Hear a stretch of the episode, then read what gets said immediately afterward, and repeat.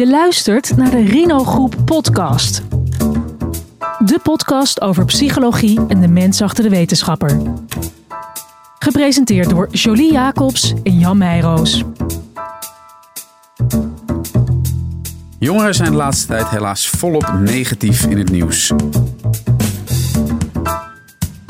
Straatroof, het plegen van seksueel geweld, meedragen van messen en overvallen domineren de krantenkoppen. Gelukkig heeft niet iedereen hier in het dagelijks leven mee te maken. Erik Jongman, psychotherapeut werkzaam bij Level en De Waag, wel. Hij behandelt en ondersteunt deze jongeren. Erik, welkom. Ja, Jan zei het net al, hè, de kranten die staan er nu bol van. Maar zie jij dan ook echt een toename in het geweld bij jongeren? Nou, uit alle cijfers blijkt dat het niet waar is. Dus uit wetenschappelijk onderzoek is geen uh, evidentie dat er veel meer geweld is. Wat je wel ziet is, en dat is natuurlijk wel heel zorgwekkend, is dat het steeds jonger is. Dat meisjes meer in opkomst zijn in de cijfers. En dat het heftiger is, het geweld. Dus daarin zie je wel echt een verschuiving, maar niet vaker. Wat merk jij daarvan? Eigenlijk ook wat je heel veel nieuws hoort en van oud politiecommissarissen en die dan wel geïnterviewd worden en allerlei deskundigen en die zeggen ja vroeger had je wel nou ja jongens die stout waren en dan op een gegeven moment gingen sommige jongens de criminaliteit in en die waren dan stout en die deden wat dingen 16, 17, 18 en dan op een gegeven moment ja sommigen gingen dan de verkeerde kant op dat je nu wel ziet dat die jongetjes dan 12, 13, 14 zijn, als we het nog stout noemen. Maar dat ze soms met 14, 15 al heel ernstig geweld gebruiken. En dan heb ik het ook over steken. Maar soms ook al met wapens rondlopen. En jongetjes van 16 tot 18, 19, 20 die al met Kalashnikovs aan het schieten zijn. Ja, dat was vroeger echt niet zo. Jij werkt bij Level en De Waag. Kun jij even uitleggen wat je daar precies doet en wat doen die instellingen precies? Level is een, net een nieuwe organisatie die bestaat uit uh, Spirit Jeugdhulpverlening en de Bascule Kinder- en Jeugdpsychiatrie. Dat is in Amsterdam, hè? Allemaal in Amsterdam. Waarbij je natuurlijk eigenlijk ziet dat twee nou, best wel verschillende werelden, de jeugd GGZ en jeugdopleiding, eigenlijk uh, gelukkig denk ik, en dat is een goede ontwikkeling, zeggen we gaan samenwerken. Want het gaat heel vaak over dezelfde kinderen met uh, verschillende problematieken en die kunnen dan in één hand behandeld worden. En bij de Wagen, en dat is echt specifiek voor forensische psychiatrie, voor jeugd en voor volwassenen in Amsterdam. Dus dat zijn veelal stevige, ernstige delictplegers in de jeugd, maar zeker ook in de volwassenheid. En is er een, specifieke reden waarom jij voor deze richting hebt gekozen? ja, dan ga ik meteen lachen. Uh, ik ben zelf een keurig Badhoevedorps jongetje. Dus in die reden zou je eigenlijk geen aanleiding kunnen zien dat ik uh, al 30 jaar met die doelgroep werk. Maar ik denk dat het uh, bij me past, omdat ik wel van een uitdaging hou. Ik hou wel van moeilijk, dus dat speelt denk ik. De copingstijl van deze jongeren, eigenlijk alles ontkennen, wegblijven van je emoties, van je kwetsbaarheden, ken ik zelf ook wel een beetje. Uh, en ik denk dat ik daarin wel een bepaalde affiniteit met de doelgroep heb. En um, dat ik merkte toen ik er bij toeval ging werken, dat ik er ook wel kwaliteit in heb. Dat het me ook wel lukt bij flink aantal jongeren en hun gezinnen en jongvolwassenen. Maar is het dan zo dat je iets van jezelf in hen herkent? Ja. Um, ik herken wel um, veel van de jongeren waar ik mee gewerkt heb, die zeggen: Ja, ik hou niet van regels, ik hou niet van autoriteit. Ik bepaal zelf wie is iemand anders om iets over mij te zeggen te hebben. En daar herken ik wel wat van. Ja. Ja, dus dat uh, is wel een beetje mijn opvoeding en mijn genen, denk ik. Ja. Als je, als je nou kijkt naar de jongeren, um, ja, wat voor risico vormen deze eigenlijk voor zichzelf in de maatschappij? Ja, wel heel, heel groot risico. Je ziet bijvoorbeeld nu als een aantal van deze jongeren zich verzamelen, ook in een groep. Zoals dat in West, in Amsterdam gebeurt, in Zuidoost, maar natuurlijk in heel veel dorpen en, en steden in Nederland dan zie je dat zij heel veel onveiligheid brengen in de omgeving. Dus ze zijn niet alleen grensoverschrijdend, dat ze op dat moment misschien iemand overvallen, wat al heel heftig is. Maar ze zorgen ook voor heel veel onveiligheid in de buurt. Dus bewoners voelen zich niet meer veilig. Kinderen van deze bewoners gaan, als ze uiteindelijk op de lagere school komen, middelbare school, zitten, zich ook onveilig voelen en gaan zich ook wapenen om zich daar veilig te voelen. Dus het is eigenlijk een soort self-fulfilling prophecy, waarin eigenlijk steeds meer geweld en onveiligheid uh, elkaar versterkt. En dat is natuurlijk echt wat je niet wil in deze maatschappij. Ja, maar op het moment dat jij met die jongeren praat, dan. Uh, of, of met die jongeren in contact komt, dan, dan eigenlijk is het daarvoor al veel eerder fout gegaan natuurlijk. Ja, ja, ik doe dit 30 jaar en ik heb misschien één of twee keer in die 30 jaar meegemaakt dat ik echt dacht: alles waar jij vandaan komt qua gezin, dat is eigenlijk heel stabiel en heel warm. En je hebt geen, dat noemen wij specifieke kindkenmerken. Dus je bent niet geboren met bijvoorbeeld een enorme verstandelijke beperking. Of je hebt een enorme ADHD. Of je hebt autisme of dat soort stoornissen. Als, als dat er allemaal niet is en je komt eigenlijk uit een heel goed gezin, zie je eigenlijk ja, bijna nooit dat iemand in deze criminaliteit terechtkomt. Maar wat voor achtergrond hebben ze dan wel? Ja, eigenlijk zie je die combinatie van dat er bijna altijd kindfactoren zijn. Dus dat je ziet dat het hele moeilijk opvoedbare kinderen al waren. Dus dat noemen we vaak met een stevig temperament. Dat ze al impulsief zijn, die kinderen, concentratieproblemen. Uh, de helft van de groep weten we, uh, als het over ernstige gedragsstoornissen gaat, heeft ook al wat lage EQ of heeft in ieder geval uh, leerproblemen. Um, de, en je ziet soms ook autisme. Je ziet best heel veel, ja, je zou kunnen zeggen vanuit de GGZ stoornissen, dus in ieder geval beperkingen. En dan zie je dat de ouders daar niet, en dat is de kern wel uiteindelijk van de hele uh, ellende, dat ouders niet wisten met deze kinderen, met deze kindkenmerken, hoe ze die goed moesten opvoeden, hoe ze aan moesten sluiten bij hun behoeftes. En daarin gaat het dan mis. Oké, maar, maar ligt daar dan ook de oorzaak bij de ouders? Uh, nou, ik vind dat te, simpel. Want ik zeg al, er zijn ook dus kindkenmerken die een grote rol spelen. Maar het is wel zo dat als jij een kindkenmerk hebt en je hebt ouders die daar wel bij weten aan te sluiten. En een omgeving, familie die dat wel kan. Hoef jij niet in de criminaliteit te komen. Dus je ziet dat het wel een combinatie van factoren is. Waarbij uiteindelijk wel het gewicht ligt op kan zo'n gezin dit dragen. En als die dat niet kunnen dragen, dit moeilijke kind, dan zie je wel dat het ontspoort. Nou, nou hebben, praat je vaak natuurlijk met die mensen als het dus al fout gaat. Hè? Sommigen zitten ook tegelijkertijd dan een gevangenisstraf uit. Hoe, hoe gaat dat die combinatie uh, van? Is dat dan een combinatie van straf uitzitten en therapie? Of is het meer een soort jeugd-TBS? Ja, er zijn heel veel mogelijkheden. Het, uh, het is in Nederland wel zo gelukkig dat we een heel pedagogisch klimaat hebben als het gaat om jeugd. Dus als je boven de 18 bent, dan is het gewoon straffen. En daar zitten heel weinig nog, ik zeg maar, wat pedagogische maatregelen in. Maar als je jong bent, wordt er altijd gekeken: wat is je leeftijd? Uh, wat is er sociaal-emotioneel aan de hand? Wat moeten we eventueel daar toch nog in corrigeren? Dus je ziet dat uh, het eigenlijk vaak een stappenplan is. Dus als een jongere met justitie naar dan komt, dan gaat hij bijvoorbeeld eerst een taakstaf krijgen. Dan krijgt hij zorg aangeboden.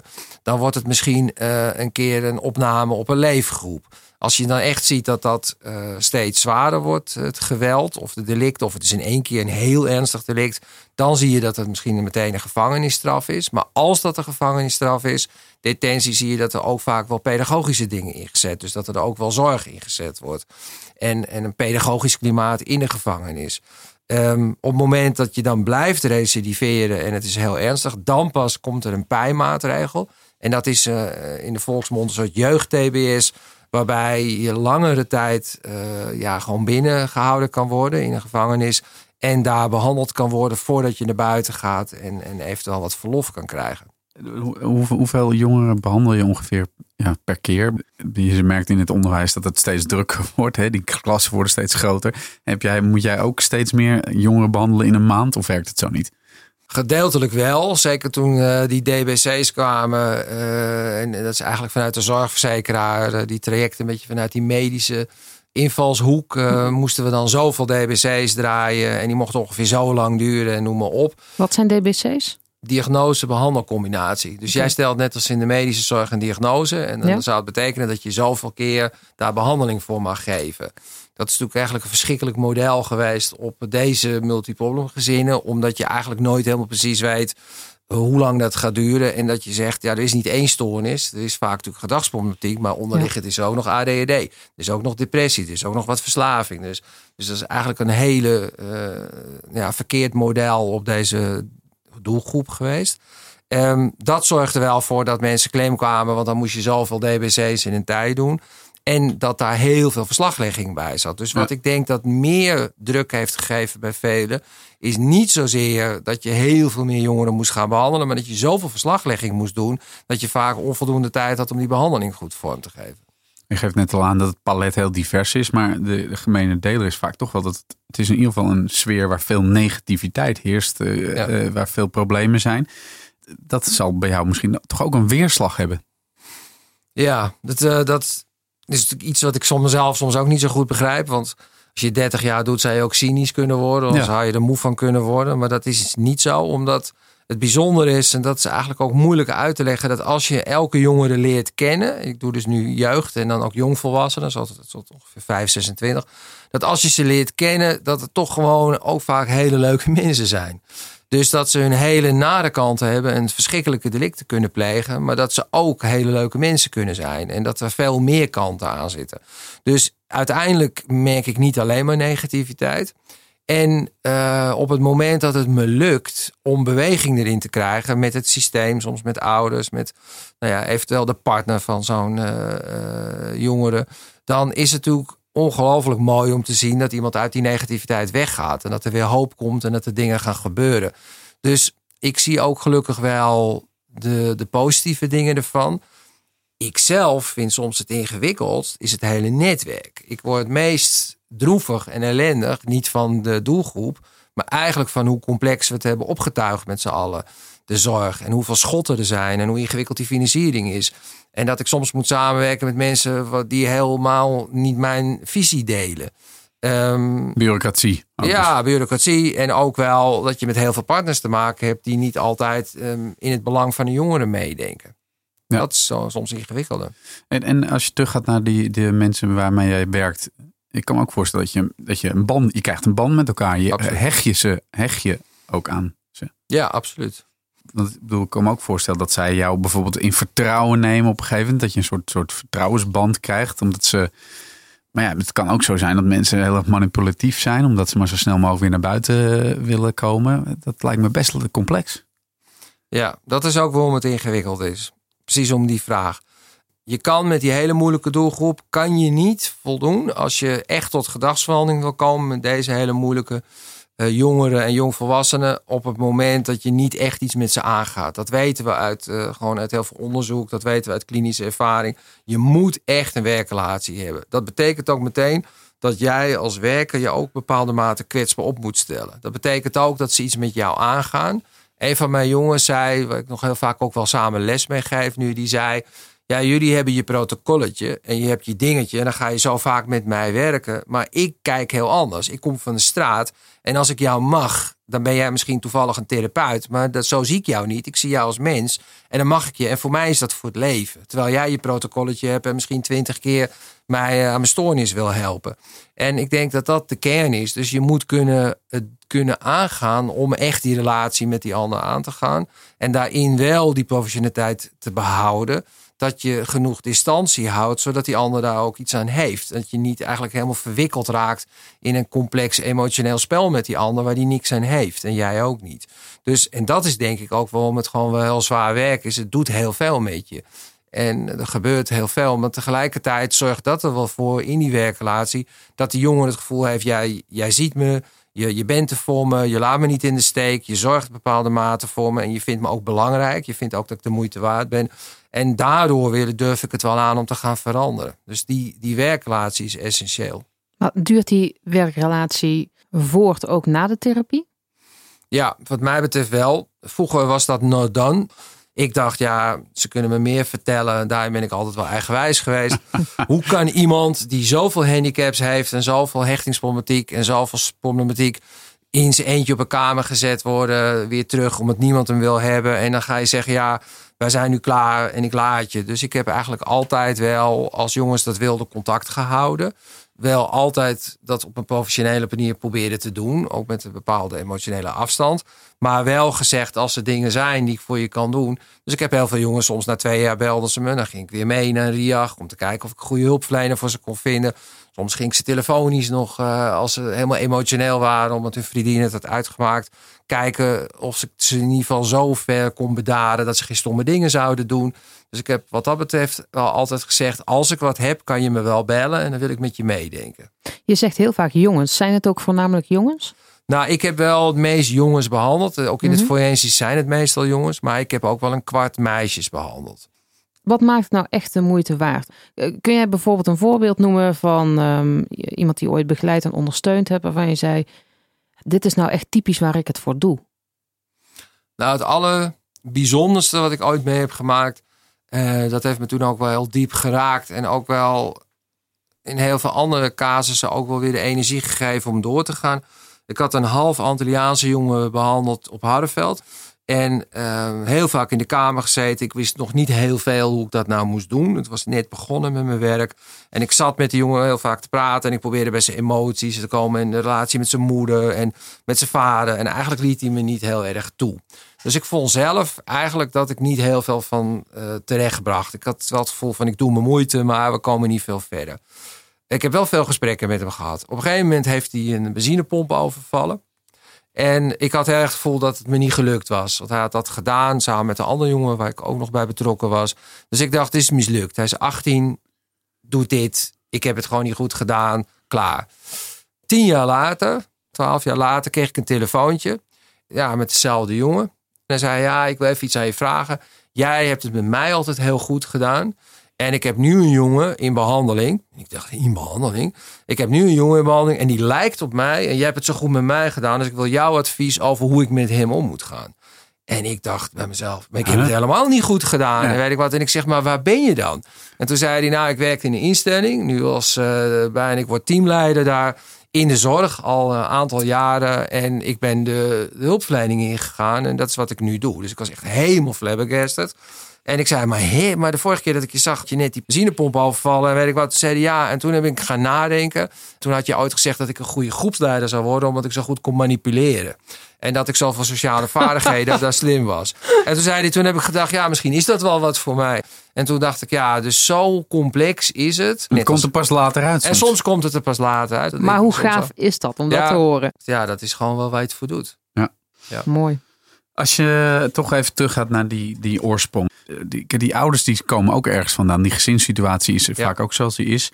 Uh, je kan wel één op één met zo'n jongere werken. Maar die thuissituatie die kan je ook niet zo 1, 2, 3 veranderen. Hoe, hoe zorg je dat zo'n kind ook na afloop dan toch niet afglijdt?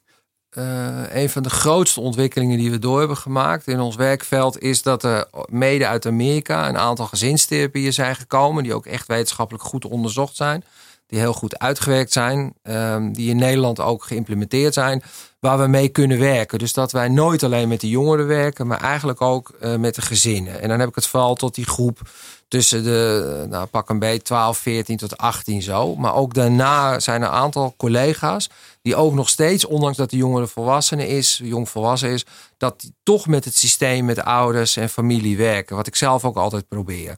En um, ik denk dat je helemaal gelijk hebt als dat patroon blijft bestaan. En je hebt daar niet iets aan gedaan. Je bent daar niet mee aan de slag gegaan.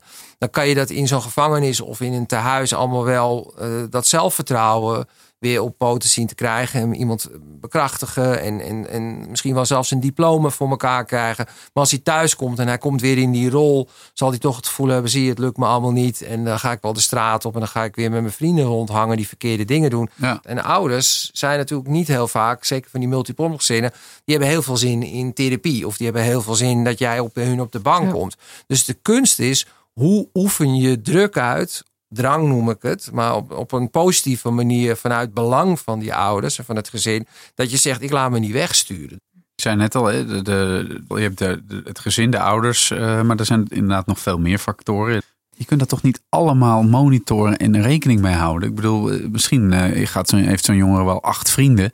Waar die, waar die zich wel heel prettig bij voelt. Maar die eigenlijk allemaal een negatieve invloed op hem hebben. Dan moet je eigenlijk tegen zo'n jongen zeggen: breek met je vriendengroep. Ja, dat is denk ik ook, uh, vind ik zelf, de allermoeilijkste stuk. Want eigenlijk als een jongen heel diep in een groep zit en hij is een jaar 15, 16 en hij zit er eenmaal in, dan uh, win ik het heel vaak niet. Nee. zeg ik heel eerlijk. Van, dan heb ik, ben ik degene die mezelf ziet als een hengelaar die heel veel geduld heeft. Ik, uh, ik gooi die dobber uit en ik wacht misschien wel twee of drie jaar totdat de ruzie in die groep ontstaat, dat de groep zich opheft. Maar op het moment dat zij heel erg het gevoel hebben, wij zijn één en wij hebben de straat eh, onder controle of de wijk. En uh, we snitchen niet, hè, wat ook zo'n woord is. We, we, praten niet tegen anderen. Ja, dan ga ik hem niet winnen. Dan, dan vinden ze me echt wel een aardige man. En dan vinden ze ook dat ik slimme dingen zeg. Maar dan is die kracht zo groot van die groep dat ik er niet tussen kom. Nee. Merk je dat al snel? Ja, ik denk dat ik het redelijk snel merk. Ik weet alleen nooit helemaal toch hoe bewust de jongen ervoor kiest. Of dat hij het ook uit angst doet. Of dat hij toch ergens iets anders wil. Dus ik ga het wel nog volop proberen. En dan zeg ik al zeg, dan, dan wacht ik af. Dan heb ik geduld. Dan wacht ik gewoon tot er iets uh, nieuws ontstaat. In hoeverre is het belang dat, je, dat die ouders er bovenop zitten? Terwijl je ook zou kunnen denken, juist wat afstand nemen van je ouders. Ja, maar eigenlijk in de, dat is natuurlijk het hele beroerde van het hele verhaal. Is als ik erin kom, is het ergens natuurlijk al te laat. Dus ik kan wel iets repareren. Maar eigenlijk zit natuurlijk al ehm, in de eerste vier jaar. Als jij dan je kinderen te veel ruimte geeft, of als je dan er niet bent. En je hebt dan eigenlijk al hebben ze het gevoel dat ze het zelf moeten doen. Of dat jij toch geen grenzen stelt. Of dat je uh, hen toch niet ziet of begrijpt. Dan ga je niet opeens op je, als ze 14, 15 worden en je ziet dat ze moeilijk worden, dat even repareren. Waarom zijn die eerste vier jaar dan zo belangrijk? Want dan zijn ze nog zo jong. Krijgen ze dan wel alles mee? Onthouden ze dan wel alles? Ja, we weten steeds meer vanuit alle wetenschappelijke onderzoeken is het zo dat we steeds meer weten dat die hersenen fenomenaal zijn. Eigenlijk al in die eerste paar maanden, in die eerste paar jaren. Met wat ze, die hele hersenontwikkeling. En uh, dat heel veel eigenlijk al neergezet wordt in die hersenen van hoe patronen met je ouders werken. We dachten vroeger bijvoorbeeld dat um, nou, een baby ligt daar een beetje passief. En dan gaat moeder of vader, vooral moeder natuurlijk, die gaat dan met kind aan de gang. En het kind reageert daarop. En als moeder dan uh, op een verkeerde manier reageert, zal dat kind misschien ook wel iets krijgen. Nou, we weten nu dat het kind eigenlijk heel actief zelf ook al begint om daarin het initiatief te nemen om ook uh, met moeder dat aan te gaan. En daar begint al het begin van hoe die samenwerking tussen ouders en kind gaat zijn. Sommige moeders van ons, het is schrikbarend, die zeggen tegen ons, en daar worden wij echt gewoon, kunnen we rillingen van ons weg. Die zeggen, al toen hij in de buik zat, dacht ik al dat het de duivel was. Of toen hij eruit kwam, toen vond ik al dat hij op zijn vader leek. En toen wist ik al dat het ook een crimineel zou worden. Of dat hij gewoon alleen maar weet ik wat. Dus dan vanuit wat een kind meeneemt, zie je soms al dat het in die eerste weken, maanden ergens al een enorme negatieve interactie tot stand kan komen. Ja, jeetje. Maar als jij dan tips zou moeten meegeven uh, wat je kunt doen om, om criminaliteit te voorkomen, zijn die er dan? Je kan het nooit 100% voorkomen, want het zit ook wel in de mens. Ook van mate van angst die je ervaart, mate van geweld die je om je heen hebt gezien. Uh, spelen verschillende dingen een rol. Maar ik denk wel dat als je ouders heel goed toerust in het kunnen omgaan met dit specifieke kind, dat uh, we wel heel veel minder uh, ernstige gedragsproblemen hebben. Ja, dat denk ik wel. Zijn er nou ook behandelmethoden die jij heel frequent gebruikt? Ja, um, die werkrelatie uh, waar ik eerder over had, die zo belangrijk is in cognitieve gedragstherapie, komt bij mij heel goed samen in schematherapie. En schematherapie heeft iets bijzonders, want die zegt als je niet eerst die werkrelatie hebt, wat ik net ook uh, zei, mhm. en je hebt niet ook een bepaalde mate aan de basisbehoeften van die jongeren of die jongvolwassenen voldaan, dan ga je eigenlijk niet tot gedragsverandering komen. En dat betekent met een duur woord dat je mag limited reparenting doen. En limited reparenting betekent dat jij als therapeut, en dat vroegen jullie in het begin al na, dat je eigenlijk ook iets mag overnemen, zonder de vader of moeder te zijn, mhm. van de dingen die ze mogelijk in die opvoeding gemist hebben. En dat zit in het onvoorwaardelijk te zijn uh, als therapeut. Dat zit hem echt gewoon heel goed zien wie is de jongere met zijn mooie kanten, maar ook met zijn beperkingen. Dat zit hem in om ook echt te geloven in die ander en ook daarin te benoemen wat, waar, waar iemand wel zijn kwaliteit heeft. Dat zie je soms dat dat mis is gegaan, dus door die patronen. En dat is dan iets wat je meeneemt in die werkrelatie, waardoor je natuurlijk ook wel voor iemand wat gaat zorgen. Dus wat ik doe is, uh, ik had laatste jongen, een Marokkaanse jongen waar ik bij betrokken ben, Die had weer ruzie gehad uh, met zijn moeder. En als hij ruzie heeft gehad, hij woont op zichzelf. Dan is hij helemaal eigenlijk down and out. Dan trekt hij zich terug, bloot zich helemaal suf. En wat ik dan doe, is dan ga ik erheen. Een dag ervoor bel ik hem op. Ik zeg, kom morgen bij je langs. Dat wil ik heel graag. En dan zeg, ga ik om inpraten. Ik zeg, ik begrijp dat je nu helemaal kloot voelt. Maar ik wil je binnenkort weer zien. Uh, want ik wil weer verder met je. Want het is niet goed voor je. Dus dat je daarin wel gaat zorgen. Dus, en ik ga wel laten zien dat ik niet loslaat. Nou, jij doet het werk al 30 jaar. Um, Was er toen ook al veel onderzoek voorhanden waar jij toen profijt van had? Nee, dat is wel uh, de grote winst van de afgelopen zeker 20 jaar. Mm -hmm. Toen ik begon was de consensus internationaal en in Nederland. Uh, wat je ook doet met jongeren met ernstige gedragsproblemen, met multiple het is kansloos. Wat je ook doet, er komt geen verandering. Um, en daarin is door onderzoek en door heel veel longitudinaal onderzoek, ook door een aantal mensen en op aantal interventies, is eigenlijk duidelijk geworden dat het wel moeizaam gaat.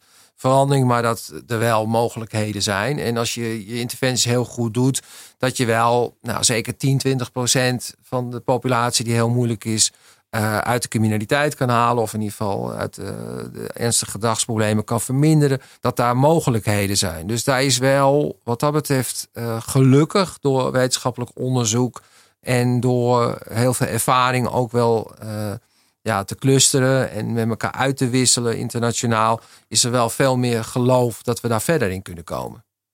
In het um, BNN-programma True Selfie. Ja daar um, trad jij op als therapeut van jongeren die jij behandelde. En ik zag dat jij daar veel deed met groepstherapie. Ja. Kun je nou iets zeggen over bijvoorbeeld het um, groepstherapie versus uh, één op één therapie, om iets te noemen? Ja, het heel interessante is, het was vooral vanwege dit eh, format dat ik groepstherapie doe, want ik doe het zelf normaal zelden. Ja. Ik heb het wel gedaan toen ik in een wat minder zware doelgroep werkte. Maar eigenlijk werkt het met hele criminele jongens vaak moeizaam. Omdat ze enorm elkaar negatief beïnvloeden. En het heel moeilijk is om een positieve leerklimaat te creëren als therapeut. Dus eigenlijk gebruik ik er zelf niet zo heel vaak. Uh, maar daarmee gezegd hebbend, wat bij True Selfie echt, nou, echt bijzonder was, wat ik ook niet helemaal voorspeld had, was dat uh, die acht jongeren komen bij elkaar. Die kennen elkaar niet. Mm -hmm. Die hebben natuurlijk ook wel bewust gekozen voor dit programma en om in groepstherapie te gaan. Maar die uh, kracht van die groep, die was enorm naar elkaar toe. Dus het was zo dat ik probeerde ook niet te veel te doen. Ik ben normaal gesproken, net als in dit gesprek, behoorlijke ouwe. Uh, wat er gebeurde was dat ze ook echt, en dat kon je ook zien in het programma, dat ze elkaar soms ook wel aanpakten, maar ook wel echt enorm ondersteunen. En dat komt ongelooflijk krachtig binnen bij elkaar. Ja. En ik heb ook gezien, uh, ik heb af en toe nog wel eens contact met een aantal van, mm -hmm. van dat programma. En dat ze er ook heel veel aan hebben gehad, de En, um, en ik denk dat dat ook wel wat met wat ik deed, maar dat het vooral de, de kracht van de groep was. En van dat ze zichzelf filmden in goede en slechte tijden. En dat ze heel erg geconfronteerd werden met zichzelf. Dus dat enorm hielp om eerlijk naar jezelf te zijn en ook te zien wat er aan de hand was. Nou, ik kon me namelijk bij die groepstherapie best voorstellen dat op het moment dat jij van uh, uh, mensen van dezelfde leeftijd hoort, uh, je bent het wel waard of je kunt het wel of eh, nee, dat doe je helemaal verkeerd, dat dat meer indruk ja. bij je achterlaat dan wanneer een persoon die, het, eh, die twee keer jouw leeftijd is dat doet. Ja, dat blijkt ook bijvoorbeeld over wetenschappelijk onderzoek. Dus uh, met MRI's gekeken van als een volwassene zoiets tegen een jongen zegt, bijvoorbeeld iets over kleding, je ziet er mooi uit. En een leeftijdsgenoot, dan blijkt gewoon in de hersenen een heel gedeelte veel uh, heftiger op te, ik laat het maar even simpel zeggen, op te branden, dan uh, rode lampen aan te gaan, dan als een volwassen het zegt. Ja, aan wat voor soort onderzoek zou jij nu behoefte hebben als je kijkt naar wat er zich afspeelt binnen dat, die hele jeugdzorg? Nou ja, ik heb natuurlijk twee hang-ups. Eén is eigenlijk één goede behandelaar die erbij blijft. Mm -hmm. uh, zodat je eigenlijk wat dat betreft altijd de visie goed kan overdragen. Wat er met het gezin aan de hand is. En die ook de dingen kan integreren. En een tweede is vroeg genoeg beginnen. Dus tussen 8 en 12 op zijn laatst. Uh, met hele goede gezinstherapie met de ouders en jongeren beginnen, met kinderen. Um, ik zou heel graag bijvoorbeeld wel willen dat er onderzoek gedaan zou worden van wat is het effect op als zo iemand erbij mag blijven. Bijvoorbeeld misschien wel zelfs kosteneffectiviteit. Dus daarvoor je hebt iemand, je bent 14, je wordt heel moeilijk en speelt aan hand. Je krijgt een goede therapeut erbij en die mag doorgaan misschien wel tot 18. En je gaat kijken in andere misschien uh, uh, woonplekken of in andere delen van het land waar dit niet zo is. Wat gaat dat nou aan kosteneffectiviteit ook opleveren? Want ik denk dat op het moment dat je dat goed doet, hoef je veel minder kinderen uit huis te plaatsen. Hoef je veel minder dure gesloten jeugdzorg te doen. Want die kosten gewoon minstens 100.000 euro per jaar. Dus hoe, hoe duur is dat wel niet om een kind uh, een tijd uit huis te plaatsen? Dus op het moment dat je dit goed doet en je doet dat goed met ouders, je bent er op tijd bij, bespaar je heel veel geld. Terwijl nu zeggen mensen vaak, ja dat is te duur, want dan zit je er te lang in en dat is te veel kosten. Maar dat kan je volgens mij heel erg goed uitleggen en eigenlijk ook inzichtelijk maken door ook gewoon te kijken wat het kost. Tot slot, toch klinkt steeds weer hoop en, en, en, verandering uh, door in jouw verhalen. Dus ja, wat, zou jij tegen mensen uh, willen zeggen die misschien over nadenken om dit vak ook te gaan doen? Nou, het is inderdaad absoluut een heel uh, zwaar vak. Uh, zeker als je met die uh, jongeren gaat werken of de kinderen uit multiple. Tegelijkertijd kan je echt wel behoorlijk wat doen. Maar er zit ook een andere kant aan. Als je ervoor open staat, is het ook iets wat jou enorm doet groeien. Dus het is niet alleen maar dat je geeft. Je, je neemt ook wel doordat het elke keer weer jezelf voor allerlei moeilijke situaties zet. Dus deze jongens leren mij en, en de ouders ook wel weer heel veel over mezelf en wat ik vind en hoe ik over dingen denk en hoe ik mezelf wil ontwikkelen. Dus ik krijg ook wel heel veel terug. Ja, top. En daarmee zijn we aan het einde gekomen van deze aflevering. Erik, bedankt voor je komst. Dit was de Rino Groep podcast. Bedankt voor het luisteren. Leuk dat je luisterde naar de Rino Groep podcast.